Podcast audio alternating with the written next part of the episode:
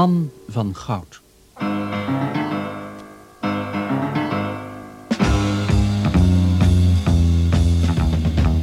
Een hoorspel in zes delen van Nick Funke Bordewijk naar de roman van Victor Canning. Regie Hero Muller.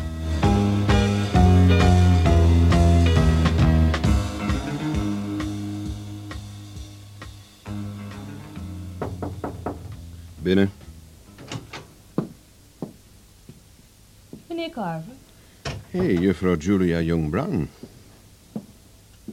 ik heb nog nooit iemand gezien met zulke wallen onder zijn ogen.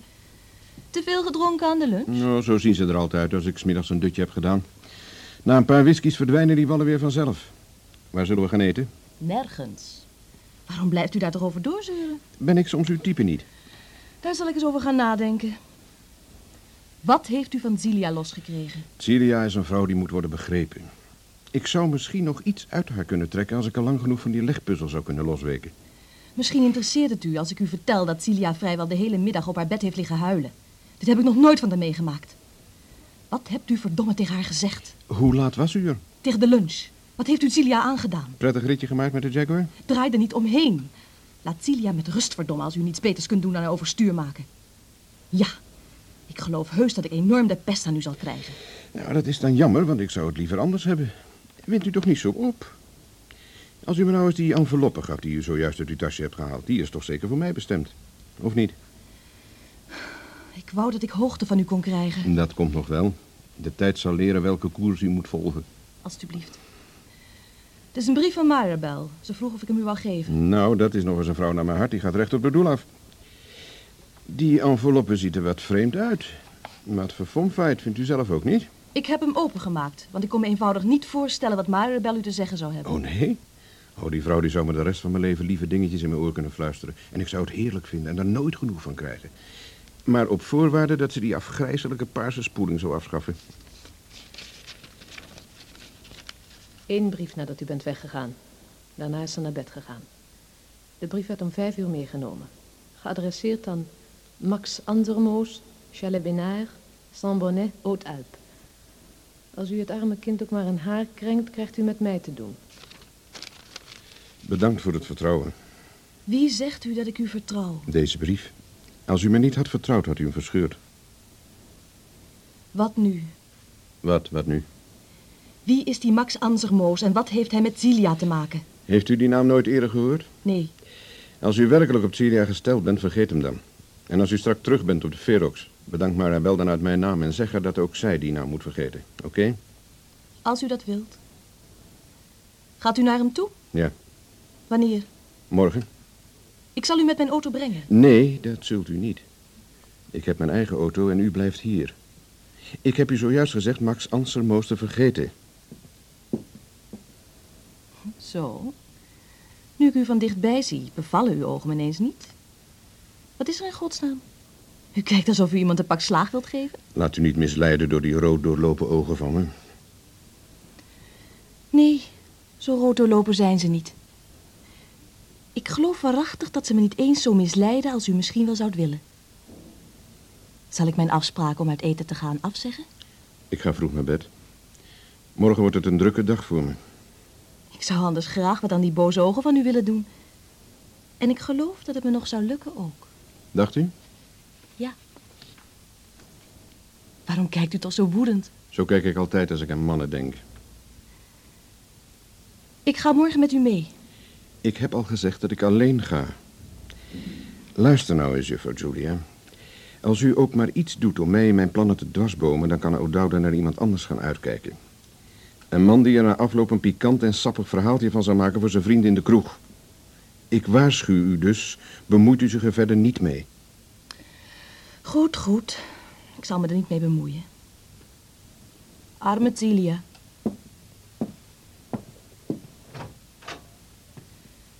Bewijst u me dan een dienst. Welke? Wees niet te aardig tegen hem.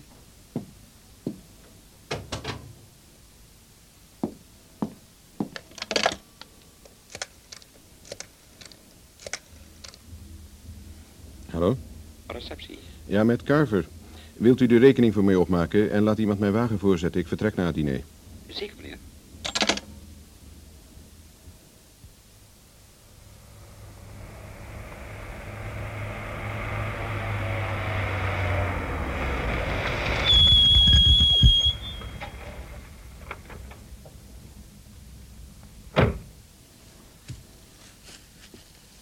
Zo, dit is dus het chalet van onze vriend Max Ansemoos. We zullen hem verrassing bezorgen.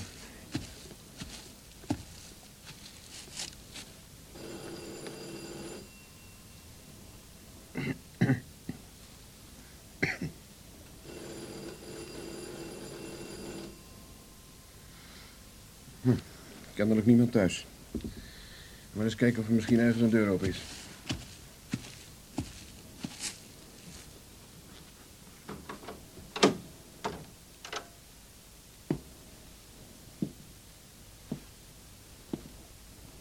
Hm.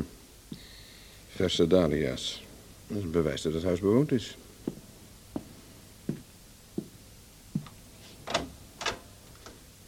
Ach, een badkamer. Zeven voelen. Net wat ik dacht. Spons, zeep en tandenborstel zijn nog vochtig. Volgend bewijs dat er vanochtend nog iemand was. Oh, even, daar staat zijn bureau.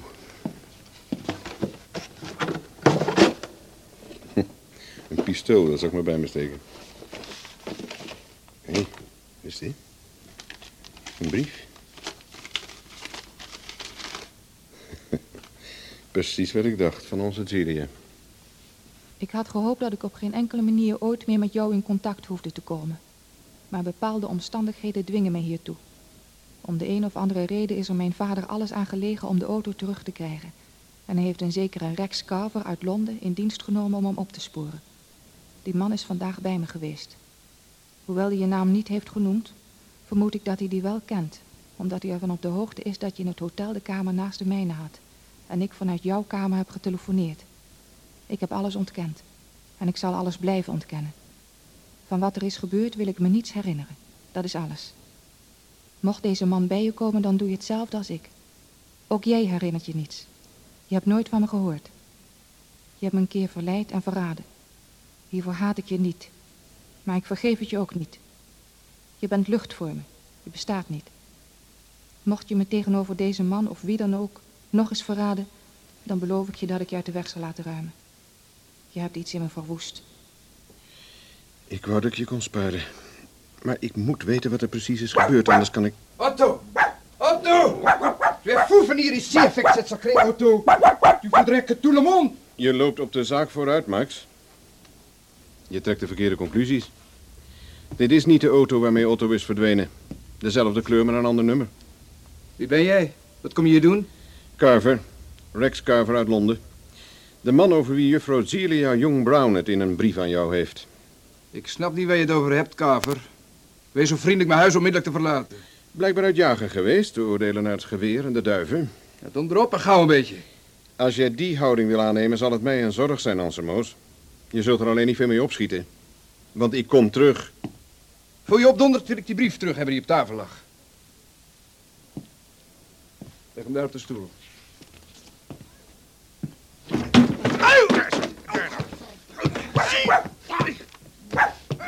Hier met het geweer. Zo. Zo. Zo. Nou ben je tenminste minder gevaarlijk, hè?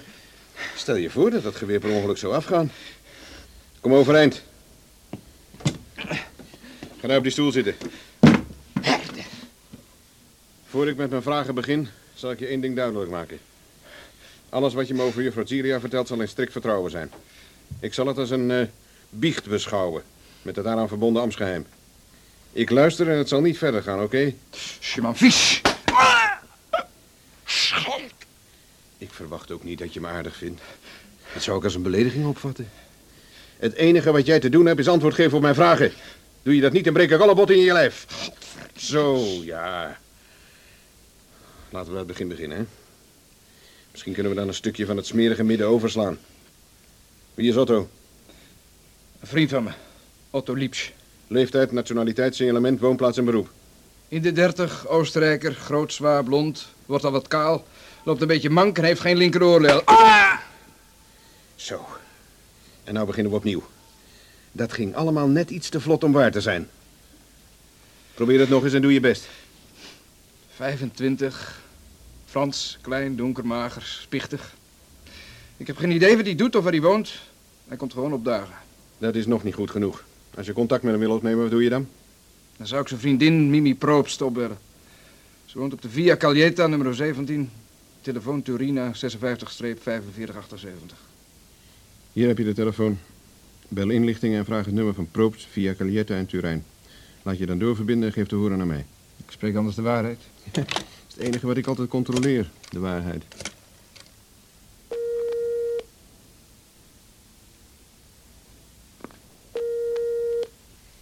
Inlichtingen? Geeft u mij het nummer van Mimi Probst. Via Caglietta 17, Turijn.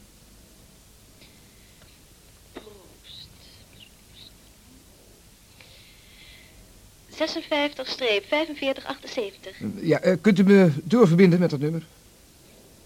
Eerste telefoon. Merci.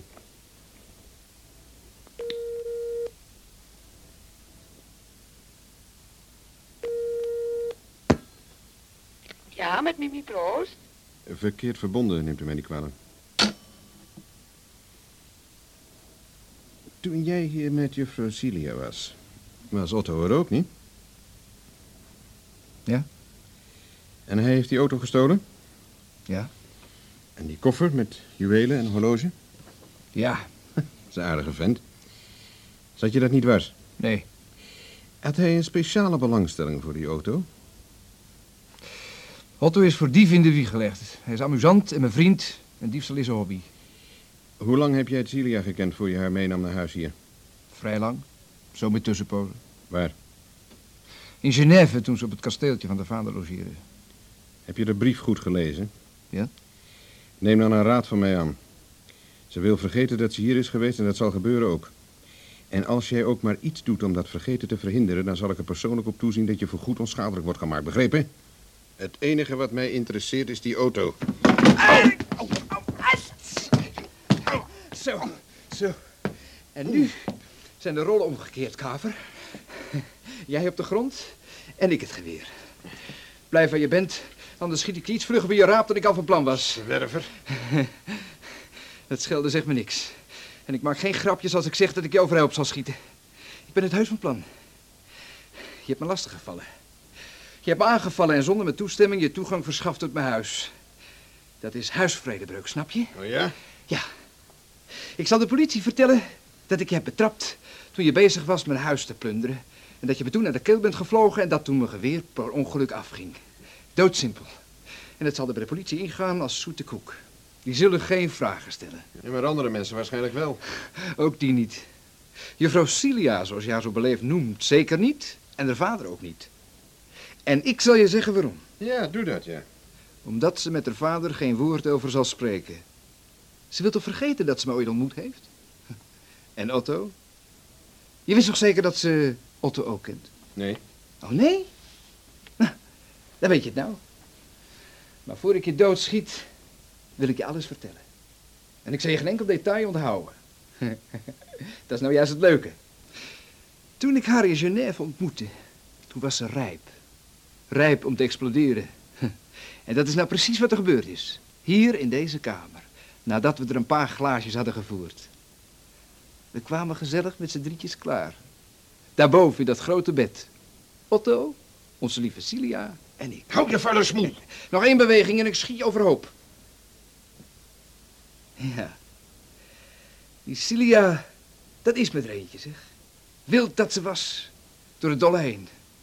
Alles wat ze de laatste tien jaar haar neus voorbij was gegaan, dat wilde ze in twee dagen inhalen. Er zijn momenten geweest dat Otto en ik haar nauwelijks aankonden. Ze ging af als een vuurpijl. Vind je het niet pikant om dit alles te horen? De vonken spat in het rond. Maar als een vuurpijl uitgebrand is, dan, dan komt hij uiteindelijk op de aarde terug als een verkoold stukje hout. Maar voordat dat gebeurde, nam Otto de benen met alles wat ze bezat. Haar wagen, bagage, alles. Had me echter niet gezegd dat hij dat van plan was. Om zes uur 's ochtends dus, de laatste morgen dat ze hier was, stapte hij uit ons gemeenschappelijk bed en... Ach, hou je bek. Nee, nee, nee. Ik wil je alles vertellen. Ik vind het prachtig om te zien hoe je me haat. Om alles wat ik je te zeggen heb. Dus Otto verdween en zij kwam tot de werkelijkheid terug. Terug tot wat ze geweest was voor ik haar ontmoette. En toen, toen liep ze ook weg. Letterlijk.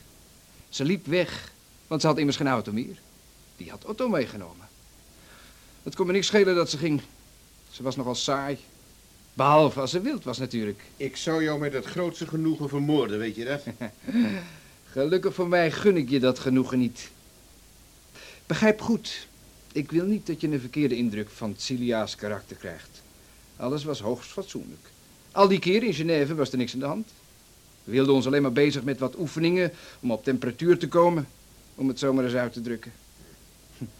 Maar hier in dit huis, ja, dat was natuurlijk iets anders. Door alcohol alleen zou ze zich nooit zo ongeremd hebben laten gaan. Nee, nee, ik denk dat vooral niet. Otto en ik hebben iets in het glas gedaan. En je zou zelfs kunnen zeggen dat we dit uit barmhartigheid hebben gedaan. Als een soort therapie die ze hard nodig had. Dan houd die rothond bij je. Ik zal me juffrouw Cilia chanteren. Ik zal haar laten betalen en iedere keer dat ze dokt zal ze me het geld persoonlijk moeten komen overhandigen. Snap je hoe ik dat bedoel? Deels betaalt ze meer geld en deels met haar... Net op tijd. En mooi raak. Ik heb er geen spijt van, meneer Kaver. Helemaal geen spijt. Ja, het was op het nippertje. Hier, liefje. Drink dit eens op. Hm? Dan krijgen je bleke wangetjes weer wat kleur. Aardig hondje.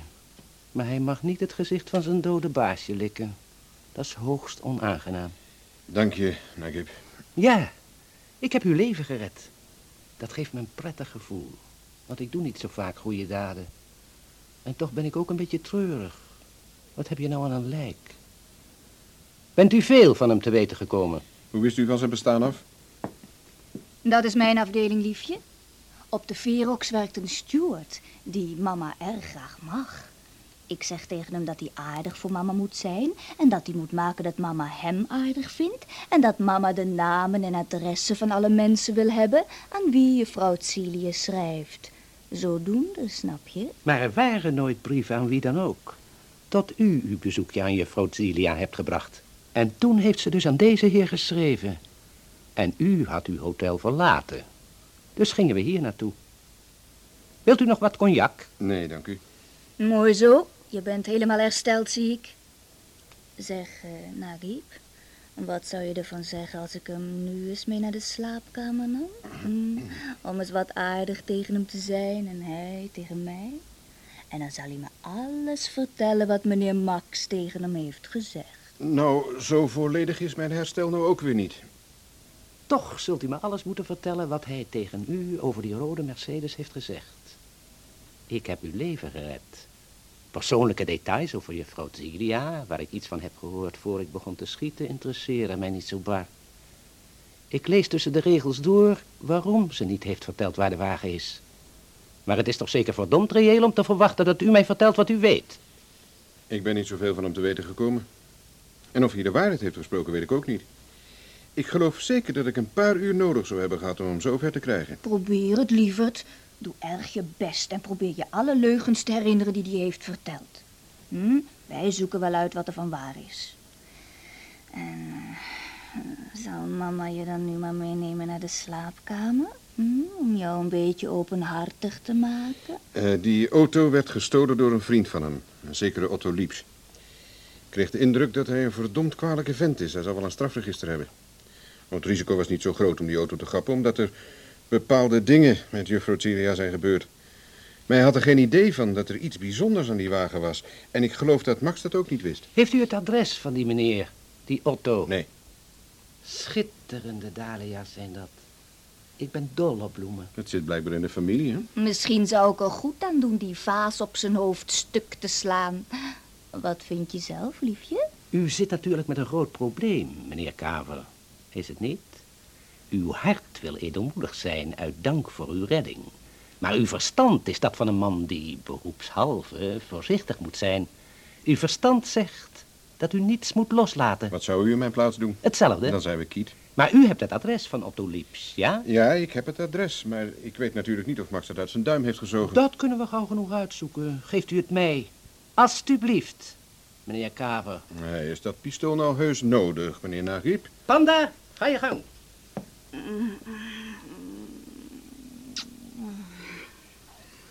Mama zal Rexje nu maar eens van zijn pistooltje doen. Hm, liefje? Je zak lubbert er zo vanuit. Het staat zo lelijk. Je had het moeten gebruiken op die heer die zojuist ontslapen is. Ja, daar kreeg ik de kans niet voor. Nu krijgt u de kans ook niet meer. Persoonlijke gevoelens zijn nu uitgeschakeld. Ik wil het adres hebben. En als ik weiger dat te geven? Ja, Panda, goed. Ga je gang. Au, au, au, au, au. Ik ga van de rug af, mens. Om elkaar echt aardig te vinden beginnen we eerst met een paar tedere omhelzingen, liefje. Kijk, eh, zo bijvoorbeeld. Au, je draait mijn arm uit de kom. Au. Laat hem overeind komen, Panda.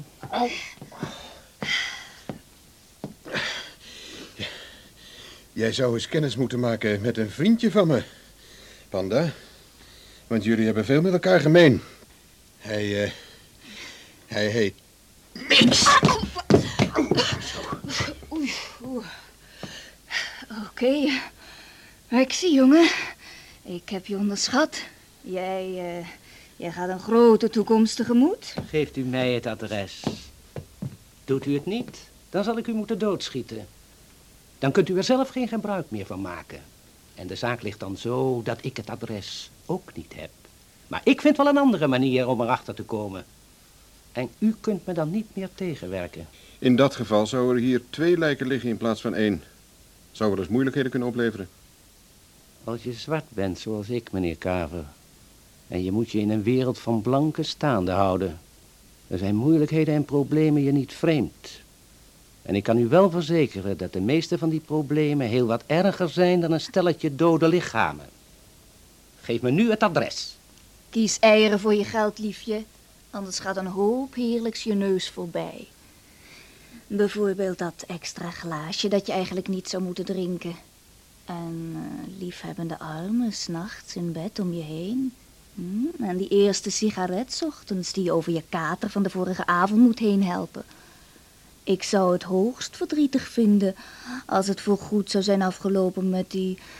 met die verrukkelijke mannelijkheid van jou. Nou, goed dan. Eh, Het idee om naast Max Anselmoos in de rij te staan wachten om de hemel te worden binnengelaten stuit me tegen de borst. Prachtig. Otto is te bereiken in Hotel Bernina in Genève. Dat is op de Place Cornavin. Dank u, meneer Kaver. Max kan natuurlijk gelogen hebben. Daar leg ik me dan bij neer. Maar als ik merk dat u hebt gelogen, dan is het met u afgelopen. Als u nu zo vriendelijk wilt zijn om u om te draaien. Waarom? Doe wat Nagib zegt. Hoofd.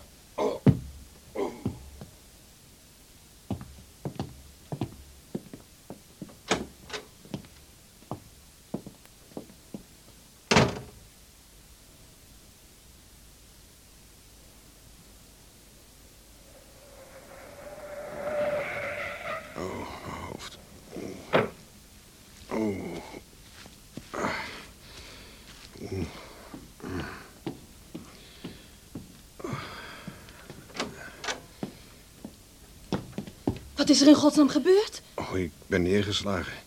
Zeg, zit mijn hoofd er nog? Ja, meeste zit er nog. Wacht maar even.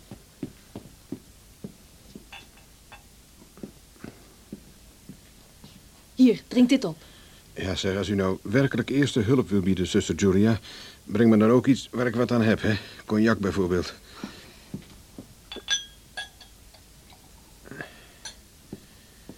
Alsjeblieft. Ah, dank u, zuster.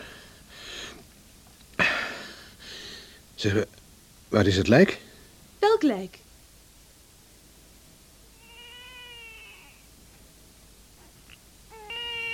Doe nou. Niet huilen.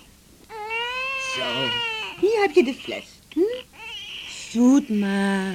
Ja, ik eh, moet Otto hebben en u weet de reden daarvan. Ja, die reden hebt u me zojuist verteld. Dat u voor een cliënt van u zijn rode Mercedes moet opsporen en dat Otto hier meer vanaf moet weten. Ja, wat zeg je daar nou van, lieveling? Ah, ga even een karweitje op te knappen. Hij is open geweest en heeft er geen doekjes om gewonden. Niet nogal ruim van opvatting, krijg ik de indruk. Maar fijn, dat moet je ook wel zijn in dit soort werk. Ik ben Tony Collard. En eh, wat Mimi betreft zit u ernaast. Hoezo? Ze is geen proobst. Afgelopen week zijn we getrouwd. Mijn vader was een Canadees die in het begin van de oorlog in dienst ging bij de Britse artillerie. Toen van gedachten veranderde over de oorlog, deserteerde, trouwde en tenslotte mij kreeg. Twee jaar geleden is hij gestorven. En ik heb de garage en de werkplaats overgenomen, waar hij nooit rijk van geworden is. Oh, u springt wel erg van de hak op de tak en ik kom er hoop te weten waar ik niet de minste belangstelling voor heb. Otto is de vogel die ik zoek. Waar gaat hij op stok? Koffie? Nee, dank u. Wat is er met die auto? Mijn cliënt wil hem terug hebben. Hij is miljonair en die zijn nogal gevoelig waar het hun eigendommen betreft. U en ik tobben over de stuivers, maar dat soort lieden heeft het hele kasregister om over te tobben. En daarom worden ze miljonair. Van een kerel die ik pas geleden heb gesproken, kreeg ik de indruk dat Otto Mimi als zijn meisje beschouwde. Was ik ook. Die baby is van hem. Maar het kan Tony niks schelen dat hij van Otto is. Geen moer. Nu, Ik hield al lang voor Mimi voor Otto op de proppen kwam. Maar ja, ieder meisje moet nou eenmaal een keer een dwaze verliefdheid hebben meegemaakt. En dat geldt eigenlijk ook voor de man. Misschien wel meer dan één. Ja, u moet het niet als een belediging opvatten als ik u geld aanbied. Inlichtingen zijn altijd hun geld waard, en zeker als die over ongure lieden worden verstrekt. Het is trouwens niet mijn geld. Vertel me wat u van Otto weet. Signalement, gewoontes, waar hij op het ogenblik uithangt, enzovoort, enzovoort. We hebben het geld niet nodig. Maar uit principe zullen we het aannemen. Geld is namelijk iets wat je altijd aanneemt. Ja, ook als je het niet nodig hebt. Mijn oude heer die zei Hij altijd... schijnt nou uit over je vader, schatje. Wat voor auto zei u? Ja, dat heb ik inderdaad al gezegd, ja. Een rode Mercedes 250 SL. Nummer 8282-9626. Bouwjaar 1966. Ja, dat is hem. Ongeveer een maand geleden kwam Otto met die wagen hier en vroeg of ik hem wilde opknappen. Alleen van buiten. Geen geknoei met chassisnummer en zo. Alleen maar een overspuitbeurt en een nieuw kenteken. Wacht er eens even. Ja, nu herinner ik het me weer. Ja, ik heb hem crème gespoten en het nummer dat werd 32 43 P 38. Of was het misschien ook 34 23? Ja, maar ik ben er zeker van dat het een P en 38 was. Die laatste twee nummers duiden aan waar die auto staat geregistreerd. En hij wilde dat het in Isère was, dat is in de buurt van Grenoble. En u ziet er helemaal geen been in om mij te vertellen dat u dit karweitje hebt opgeknapt. Waarom zou ik? Maar mocht u soms van plan zijn dit verder te vertellen, dan zal ik het vanzelfsprekend ontkennen. Ik heb een vrij fatsoenlijk garagebedrijf en doe mijn zaak op een fatsoenlijke manier. Wat was Otto van plan? Wou hij hem doorverkopen? Ja, met Otto weet je dat nooit. Kan van alles van plan zijn. En zou die auto zelf zijn oude moeder cadeau kunnen doen, als hij tenminste zou weten wie zijn moeder was. Hoe ziet hij eruit? 2 meter 50 en gebouwd als een gorilla. Erg sterk. Lang bruin haar en kleedt zich goed. Ongeveer 35 jaar en een goed danser. Vrouwen die worden altijd verliefd op hem. Ja, god mag weten waarom. Maar het duurt nooit zo lang, omdat het een enorme egoïst is en met geld hoogst onbetrouwbaar. Ik moet dat geld voor het overspuiten nog altijd van hem krijgen. En is dat alles? Ja, bent u niets vergeten? Heeft hij misschien een hazenlip of een staart of een horrelvoet? Aan de binnenkant van zijn linkerdij heeft hij een moedervlek. In de vorm van het kruis van Lothringen. Ja, let u maar niet op Mimi. Eh, hoe komt het dat Otto rustig toeliet dat u Mimi van hem afpikte? Omdat hij wist dat het toch zou gebeuren en ik hem door midden zou breken als hij zich zou verzetten. Daar was hij zeker van. Maar vergis u niet, Otto zet het op een loop als hij nattigheid voelt. Toen hij de wagen had meegenomen, belde hij een week daarna op om te zeggen dat hij met Mimi een streep onder had gezet. Is het niet zo, Karamia? Precies. Hij telefoneerde en zei dat het uit was tussen ons. Nou, dat kwam heus niet onverwacht. De baby was een ongelukje. Hij gaf er niks om. Hij had nooit een kind willen hebben. Huh? Natuurlijk was ik daardoor erg van streek. Maar toen kwam Tony op de prop en vroeg met een huwelijk. Tony is een schat. Hm? Van de bovenste plank. Ware liefde overwint alles. Zal ik u eens zeggen wat we gaan doen als het kind wat ouder is? Dan verkopen we de garage en gaan naar Australië. Geen garages meer voor mij. Ik ga op het land werken. Hou van dieren, van kinderen hm, en van vrouwen. Enig idee waar Otto nou uithangt? Die zal wel ergens op zijn dode gemak zitten zonder dat hij zich ergens zorgen over maakt. Nou, kom. Ik moet maar weer eens opstappen. Bedankt voor de inlichtingen. En meneer Collard, Ja, meneer Carven. ik geloof geen woord van wat u en uw vrouw mij over Otto hebben verteld.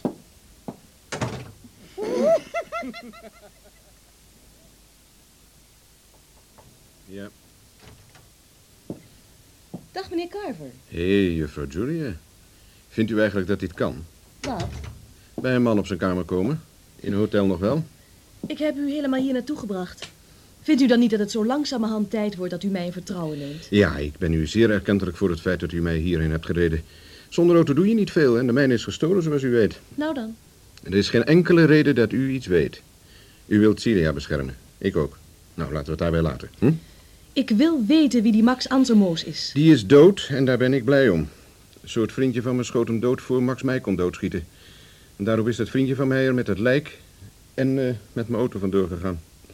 Het enige wat ik u hoef te vertellen is dat Syria een paar nachten in het chalet heeft doorgebracht, oké? Oké. Maar waarom bent u dan hier? Ik ben hier om een karweitje op te knappen. Herinnert u zich dat nog? Ik moet de wagen van uw vader opsporen. Kan ik u daar niet bij helpen? Dat heeft u al gedaan door mij hier naartoe te brengen. Nou moet u eens goed naar mij luisteren. Uw aandeel in deze geschiedenis is uw bezorgdheid over Zilia. Ik geef u mijn woord dat ik O'Dowd niks zou vertellen. Maar die wagen is mijn afdeling en u kunt gerust van mij aannemen dat het geen lolletje is. Ik word betaald om tegen de grond te worden geslagen en allerlei stomzinnige risico's te nemen. Oh, Ja, ja er zit blijkbaar een steekje aan me los om dit soort werk als mijn leven te accepteren. En ik kan het me nou eenmaal niet permitteren om u hierin te betrekken. Iemand zou u om zeep kunnen brengen en dan zou ik mijn kans op die bonus van stiefpapi knap hebben verspeeld. Werk is voor mij geld. En ik wil u er niet bij betrekken omdat u het nou toevallig zo leuk en spannend vindt. Laat mij nou dit karweitje opknappen, hè. En als u op mijn gezelschap bent gesteld, dan zal ik u daarna twee weken geven die u nooit zult vergeten. wat bent u een onmogelijk mens. Ik kan u niet zeggen hoe ik de pest aan u heb. Bovenste knoopje van uw jurk is losgesprongen. Ik moet u nog iets zeggen. Ik ben een en al oor. Ik heb met mijn vader getelefoneerd. Hij wil u onmiddellijk spreken. Dat is een bevel. Waar is hij? In Evian, op zijn kasteel. U voelt er zeker niks voor om me terug te brengen naar Genève. Geen donder. U wilt toch niet dat ik u help? Weet u nog? Oké. Vertel me dan tenminste één ding. En ik vraag u dat niet uit nieuwsgierigheid. Heeft die Max u niet verteld hoe hij Zilia heeft ontmoet? Nee, nee. Hij zei alleen dat hij haar in Genève en Evian had ontmoet. In het geheim? Vermoedelijk, ja. Maar in ieder geval hoeft hij zich over Max geen kopzorgen meer te maken. En als ik die andere ploer te pakken krijg, dan zal hij er ook van lusten. Die andere? Ja, die andere. Kan geen kwaad als u daarvan af weet. Er was nog een andere vent in het chalet. En hij is degene die er met de auto vandoor is gegaan. Ik had gehoopt hem te vinden, maar ik heb pech gehad. Hoe heet hij? Otto Lieps. Waarom zegt u niks? Kent u hem soms? Dag, meneer Carver. Is vreemd. Die naam zegt er wel degelijk iets. Ik ben van gedachten veranderd. Ik zal u toch naar Genève brengen. Dat is aardig van u. Morgen vroeg, direct na het ontbijt, kom ik u halen. Uitstekend. Hoe laat ontbijt u? Om een uur of tien en altijd op bed. Ik ben om acht uur bij u.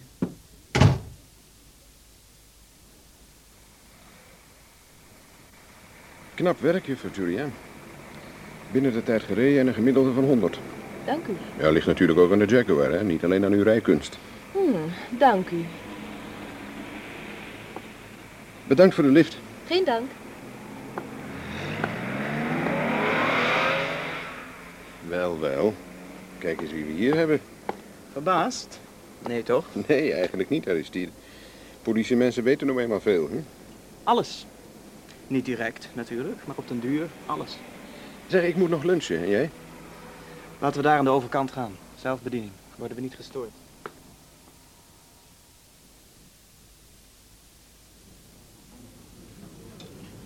Zeg, ik heb je in de tijd niet gezien. Nee. Gaat het goed? Oh, best, ja. En met jou? Goede gezondheid, goede eetlust, zoals je ziet. Gebrek aan slaap, maar slaap is voor slappelingen. Ga je het ons weer moeilijk maken, zoals steeds? Vermoedelijk wel, ja. Je begrijpt natuurlijk wel wat ik hiermee bedoel. Nee. Ik ben altijd een groot liefhebber van dit soort gebak geweest. Het is iets heel speciaals. Het werd in Parijs gemaakt, maar die banketbakker is helaas ter ziele.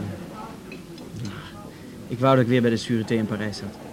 Ik hou niet van het internationale gedoe. Nee? Nee.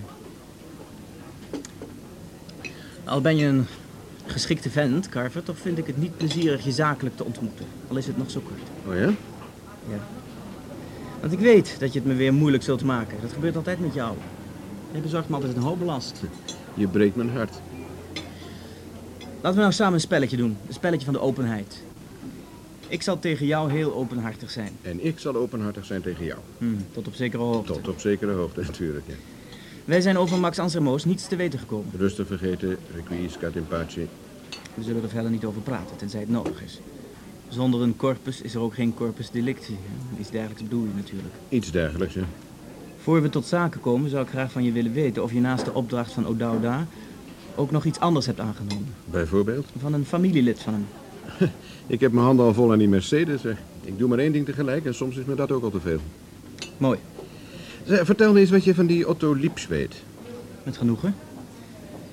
Hij is ongeveer 35, werd in Liens in Oostenrijk geboren. Doet zich voor als een Fransman. 1,80 lang, donker haar, goed figuur.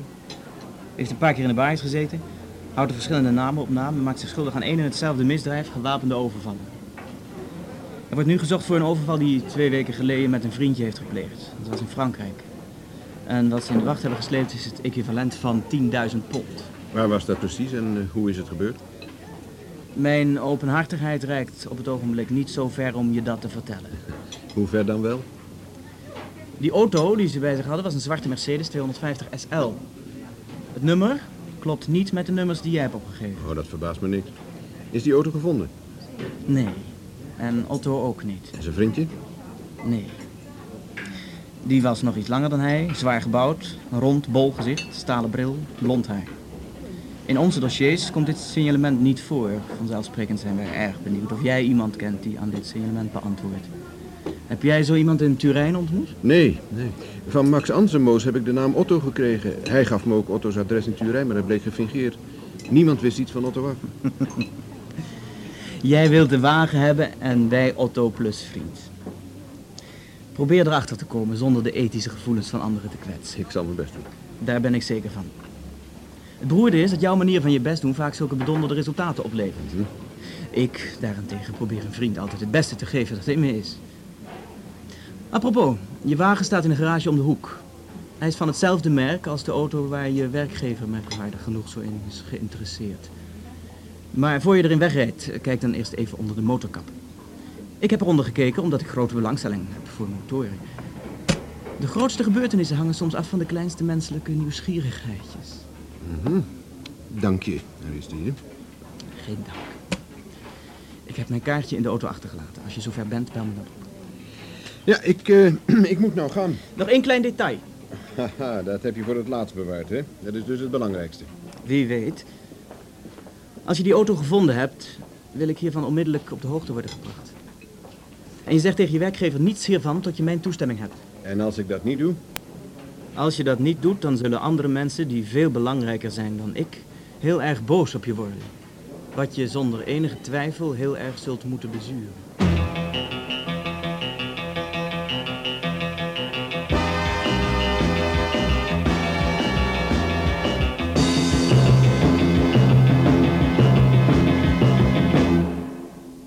U hoorde het derde deel van Man van Goud. Een hoorspel in zes delen van Nick Funke Bordewijk naar de roman van Victor Canning. De rolverdeling was als volgt.